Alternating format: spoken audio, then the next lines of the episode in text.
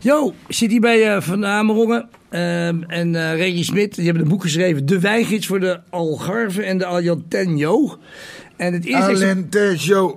Wat is dat, eh, Arthur? Nou, wat jij zei, dat weet niemand wat het is. Maar dit- Alentejo. Alentejo, ja. Alentejo. Nog een keer. Zo. We zitten hier in Algarve. Ja, Dat, is, eh, ja, dat heb ik al gezegd. Nee, zei je niet. Dan wel nu net. Ja, nee, ja, nee net, juist net niet. Nog een Ja, keer. nou, en wie krijgt dat boek? Het eerste exemplaar. Nog een keer. Erik de Vlieger.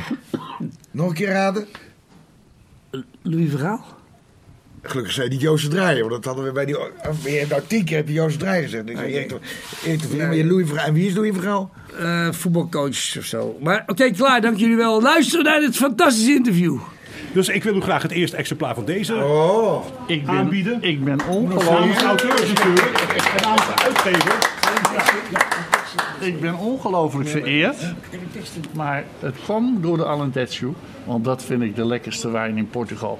Maar Portugal heeft zo'n verscheidenheid in wijnen. En zulke topwijnen.